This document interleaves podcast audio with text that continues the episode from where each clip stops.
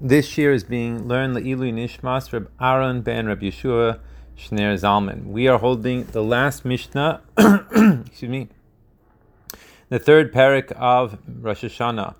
So, since we just spoke about the idea of having kavana with the mitzvah, having intent with the mitzvah, so now the Mishnayos come and tell us two uh, famous historical stories uh, that reflect this idea. It says like this: "V'haya kasher yari Moshe yada v'gavar Yisrael v'gaimer."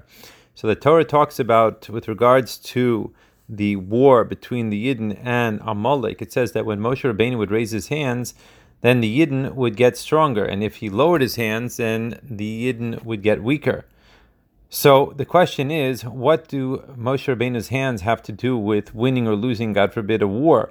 It says, "V'ki yadav shel Moshe oisas milchama." Can you possibly say that Moshe's hands are what are making the war, or shoivros milchama, or or breaking the uh, success of the war? Absolutely not.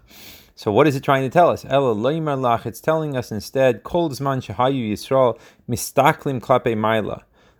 As long as the Yidden we're so to speak looking towards heaven, which means what? Mishabdin es libam navim shebashamayim. Namely, they were given giving over their hearts to our Father in heaven, to Hashem. Hayu misgavrim. At that point, then we would win the war. Ve'im lav hayu noiflim, and if not, then they would, so to speak, fall or they would lower themselves and they would be on the more losing side. Similar idea happens in another historical situation when the Yidden were going through the Midbar, and at that point in time, the Yidden complained against Hashem um, and Moshe for taking them out of Egypt and giving them only the man to eat.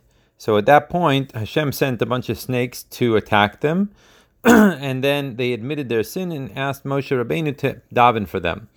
At that stage, it says b'davar ata aimer. You could say a similar idea over here with regards to what it says in Bamidbar. Saraf. Hashem told Moshe Rabbeinu, make for yourself a a uh, a snake.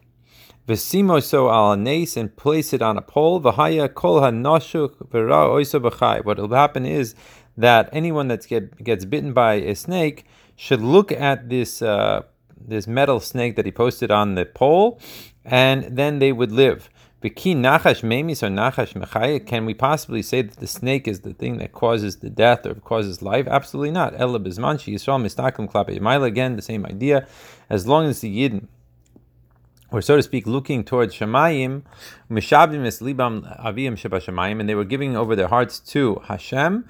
Hayu misrafim, at that stage they would be healed. However, im lav hayu nimukim, if not, they would be, nimukim actually is the, from the word to wither away. So that was the idea over here as well. So we see the intent is what really matters.